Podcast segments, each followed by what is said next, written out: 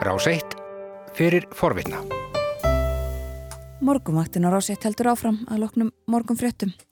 Klukkan 6 mínútur gengin í nýju og uh, á þeim tíma á 50 dags morgnum þá uh, setjumst við yðurlega við heimsklukkan og uh, þessi 50 dags morgun er engin undantekning frá því. Góðan dag Bói Ákusson. Góðan dag því báðar.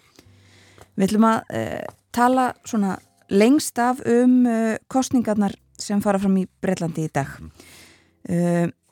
Þær eru eins og þú hefur sagt okkur, það er, það er kosuðum allt frá uh, sóknarnemdum og yfir í þingkostningar í, í Skotlandi sem verður nú kannski það stærsta og það sem hefur fengið mest aðtegli. Já, kosuðum framtíð stóra breyðans. Já, hvorki meira menna.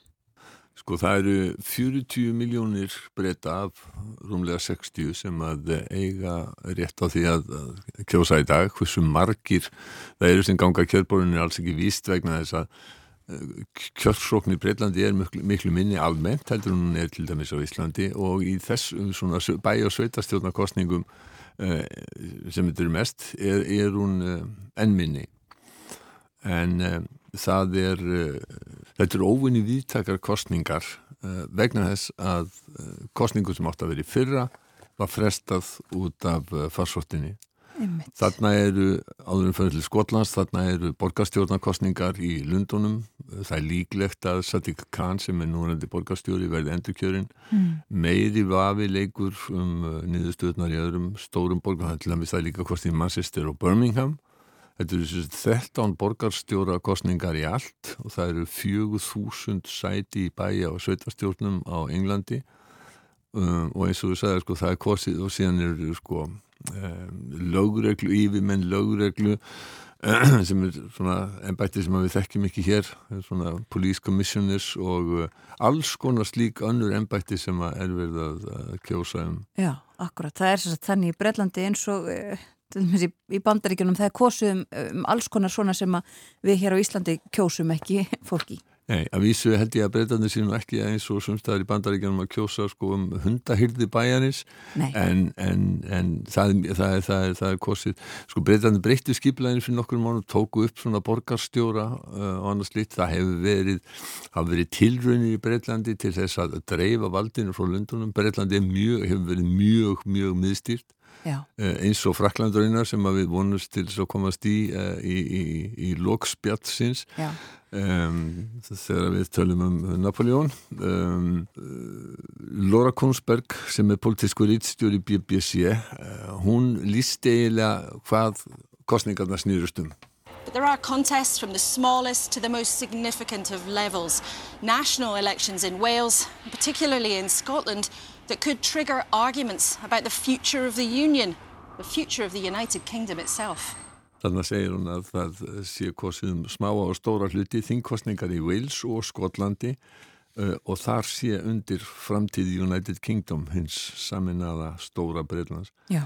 Það er allt útlýtt fyrir að íhalsflokkunum komi vel út úr þessum kostningum nema kannski í Skotlandi. Um, það eru auka kostningar um þingsæti á Breska þingin í Hartlepool sem er á norðaustur Englandi Eh, þar hefur verkamannarflokkurinn ráðið lögum og lofum bara svo lengi sem elstu menn muna og þingsæti í Hartlbúl hafa haldið frá 1964 en það er spurning hvort að íhalsflokknum takist að halda áfram að auka fylgisitt á þessu svæði hinnum rauða múr svo kallaða þar sem að verkamannarflokkurinn hinga til eh, hefur nánast geta gengið að atkvæðum bara vísum. Eh, Konun bendir til þess að íhalsflokkurinn vinni stór sigur í Hartlbúl Já, uh, sko, einmitt íhaldsflokkurinn og við höfum nú talað um það þó nokkur sinnum í vetur og, og, mm. og fyrir að það, já, það denur ímislegt á Boris Jónsson fósættisáður og hans stjórn en uh, samt sem aður þá er útlitið svona fyrir íhaldsflokkin, flokkin hans. Já, hann virðist vera teflonmaðurinn að, að mörguleiti og eiginlega alveg sama hvað,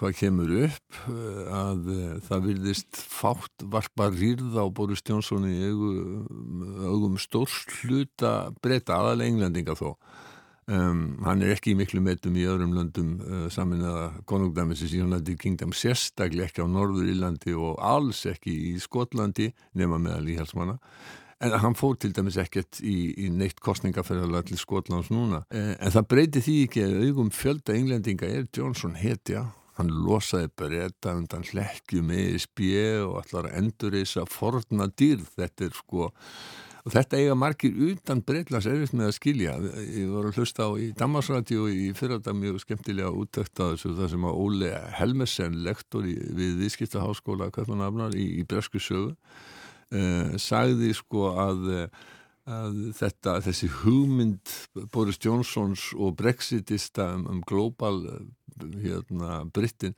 sé bara hitling og, og fatta morgan. Við skulum heyra í Óli Helmesen Global Britain, det er et, et mirage, det er, det er et fatamorgana, som han bruger som en slags uh, retorik. Han brugte det til at også retfærdiggøre Brexit, at ja. vi, er, vi er for store til EU, vi skal ud i verden og gøre noget mere. Han bruger fortiden, og den fløj i det konservative parti bruger fortiden og den britiske historie som en slags kode for at skabe en model for en britisk nutid og fremtid, som ikke eksisterer og ikke kommer til at eksistere, for de glemmer, at de magtstrukturer, som galt dengang, hvor de var et stort imperium. Ja. Dem havde britterne selv skabt. Det var dem, der bestemte. Det, var dem, der satte. De sendte flåden ud, og så markede folk ret. Den situation er jo væk nu. Helmesen sagði að þetta þetta sé orðagjálfur sem að hafi verið notað sem rauksindi fyrir Brexit breytar, að, til dæmis að breyta verið stóri fyrir Evrópusambandið og það ætti heimurinn allur að vera undir og sko Johnson og þessi hluti í hersflokksins vilja nútíð og framtíð Breitlands verði mótu af fortíðinni en svona síðast aðan ekki og get ekki orðið því að þeir gleymið í að valdakerfi sem að breska heimsveldi stuttist við og þeir skupuðu sjálfur það er að segja að senda flotan inn og þá hefðu aðrar þjóðir lít það valdakerfi væri liðið undir lók En uh, já, einmitt, hann segir þetta við sjáum svo samt í já. blöðunum einmitt í morgun við fórum aðeins yfir það hérna uh, það eru einmitt svona einhvern veginn verðast vera svona leifar af þessu, það er verið að senda flotan uh, Já, það er fórsíðan á Daily Mail í dag Boris sends gunboats to, into Jersey og það er sko, það er deila breyta á frakka um fiskveðiréttindi franskra báta og þetta eh, sínir að eftir Brexit að þá eru Það er mjög mikil spenn á ymsum sviðum og víða sem að getur hrokkið í baklás og, og soðið upp úr. Já, uh, akkurat, en uh, við kannski höfum ekki tíma til þess að fara neitt nánar í Þó, það núna. Ég hef haft mjög gaman að ég hérna, fjallaðum mögulegt þoskastrið breyta við frakka. Akkurat. Já, það er hægt að fara, fara í ymsar áttir út frá þessari umröðu, en svona í Skotlandi þá má líka segja fólk utan íhaldsflokksins, þau hafi bara skömm á Johnson, Karol og, og Ford. Það, það, það er rétt, sko, þeir hafa Karol Ford sem er sem að ég til þarna, hún er einn helsti leitói frjálslindar demokrata, hún segist ekki að hafa neitt álít á Boris Johnson. I hold no brief for Boris Johnson, neither as a politician nor actually as a, as a human being. But I wouldn't let the existence of Boris Johnson influence my thinking about what's in the best interests of Scotland or the people of Scotland. He's there on a temporary basis. Who knows how long he'll be there? Þetta er akkurat málið. Vanda, vandraði þeirra sem eru hlind því að skotar haldi áfram að vera hluti af United Kingdom er Boris Johnson að mörgu leiti og þarna var Karol Ford að segja að hún hefði ekki álita á hún hvorki sem stjórnmálamanni nýja manni en hún láti ekki tilvíst hans hafa áhrif á það hvað hún telji Skotlandi og skotum fyrir bestu. Boris Johnson sé bara tímabundið þarna og með þess að hver viti hversu lengi hann verði í ennbætti. Já, uh, skotar, uh, já, svona, hafa margir hverjir óbeitt hreinlega eins og við heyrðum þannig frá henni mm. á Johnson, en það hefur verið sagt að þessar kostningar séu í rauninni þjóðaratkvæði um hvort efna eigi til annarar þjóðaratkvæða greiðslum sjálfstæði. Það eru þetta vegna þess að skorski þjóðaflokkurinn hefur lofað því að fara fram á aðra þjóðratkvæðagreyslu. Mm -hmm. Það er rétt, referendum og referendum. Sko Sara Smith sem er skotlandsriðstur í BBC segir að ef SNP, skorski þjóðaflokkurinn, fái meiri hlut á þingi, þá teljiðu sig hafa fengið umboð til þess að krefjast annarar þjóðratkvæðagreyslu. If the SNP win an overall majority, they will claim that's an electoral mandate for having another referendum on Scottish independence. Douglas Ross sem er leitu í íhalsflokksins í Skotlandi og uh, það er nú skarð fyrir skildi því að Ruth Davison sem var leittói þarna í síðustu kostningum hún var svolítið margfalt betri leittói að mínumati heldur en að hann sem er svona freka litlus en hann segir að uh, þeir sem ekki vilja aðra þjóðaröðskvæðagreyslu þeir eigi að kjósa í hérflokkin Vote Scottish Conservatives to stop that SNP majority, to stop a second independence referendum and crucially to allow us to focus on our recovery. Sko Boris Johnson hann hefur sagt margóft að það kom ekki til greina skotar fá að kjósa aftur í sjálfstæði atkvæðagarísland 2014 hafi átt að útkljá málið í heilan mannsaldur. En Nikola Sturgeon, fyrsti ráþeirar Skotlands og, og leittói SNP, hún segir að það sé skosku þjóðarinnar að ákveða framtíð sína. Johnson hafi engan rétti til þess að standa í vegi fyrir líðræðinu kjósi uh, skota sjálfstæði. The question of Scotland's future shouldn't be determined by me or by Boris Johnson. It should be decided by the people of Scotland. And if people vote for that to be the case, then Boris Johnson has got no more right than any other politician to stand in the way of democracy.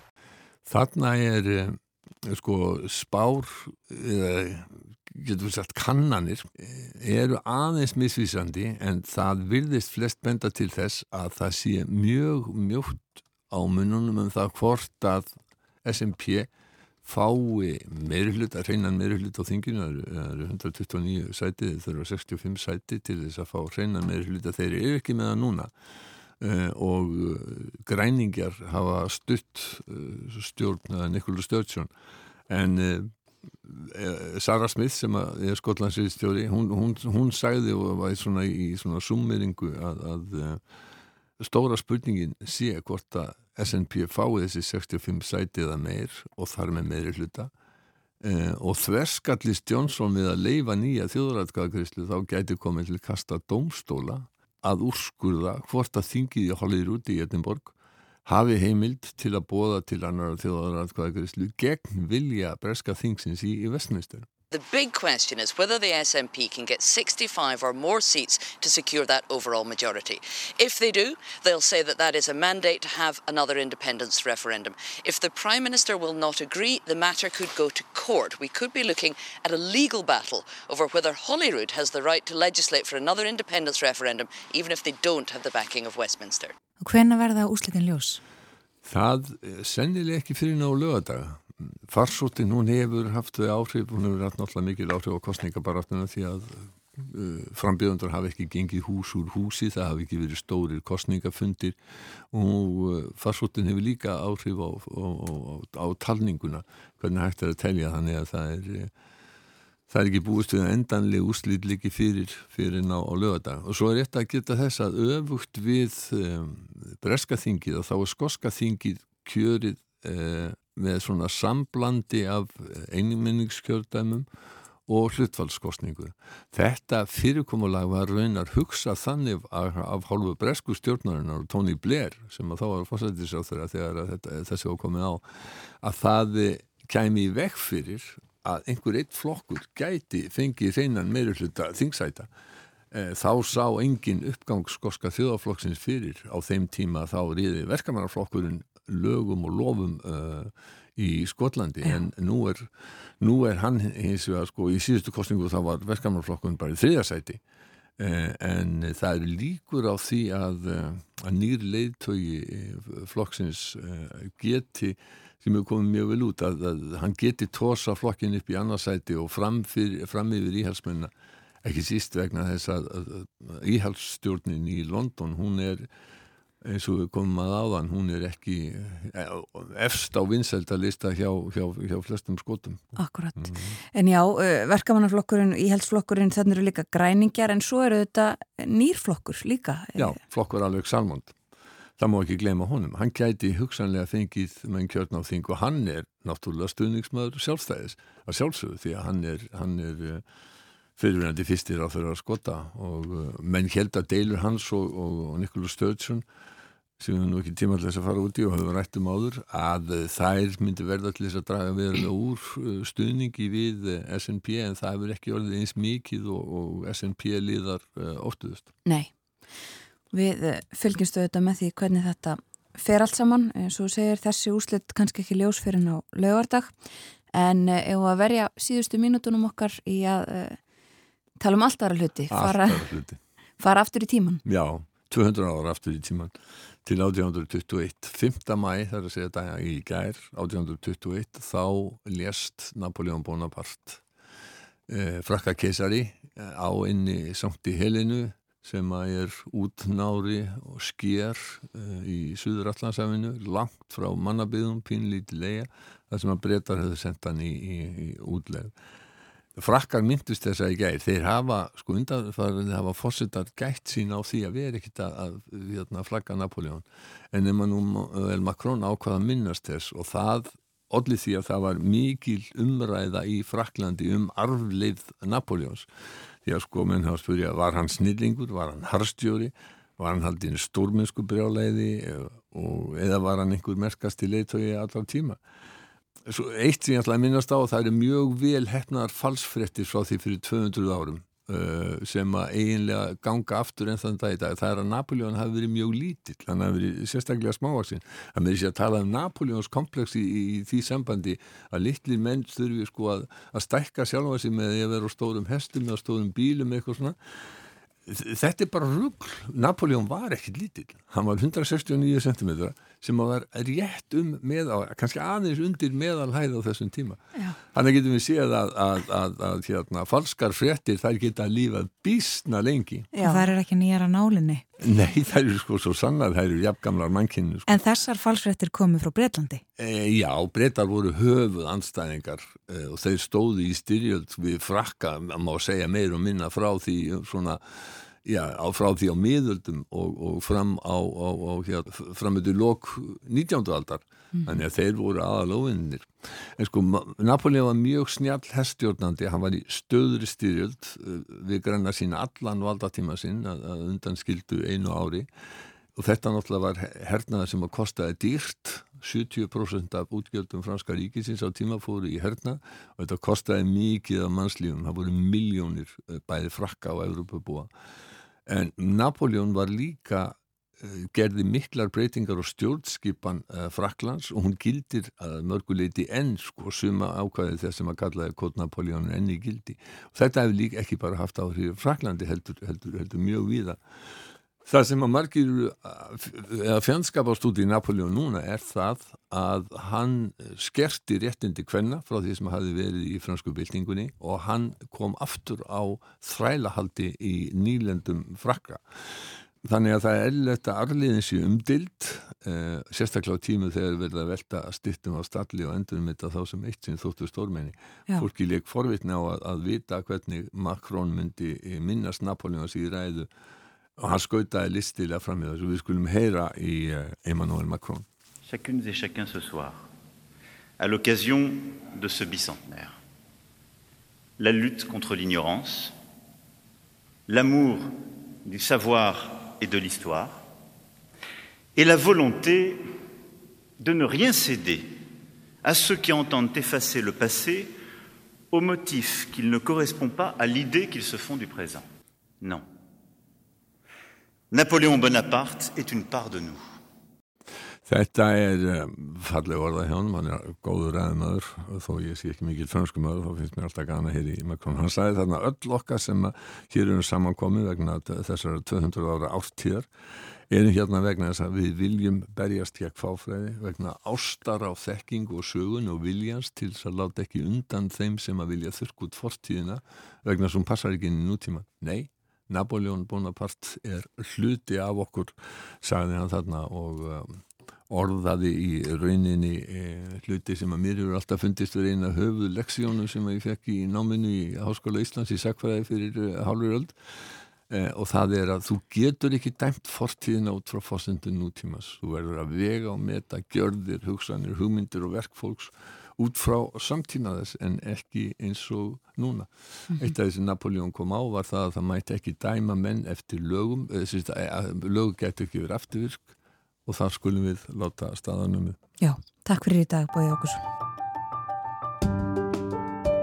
Þú varst að hlusta á hlaðvarpsþátt frá Rás 1 Ef þið langar til að heyra meira farðu þá á rúf.is skástrygg hlaðvarp eða spilaran á rúf.is skástrygg útvarp. Rás 1 fyrir forvitna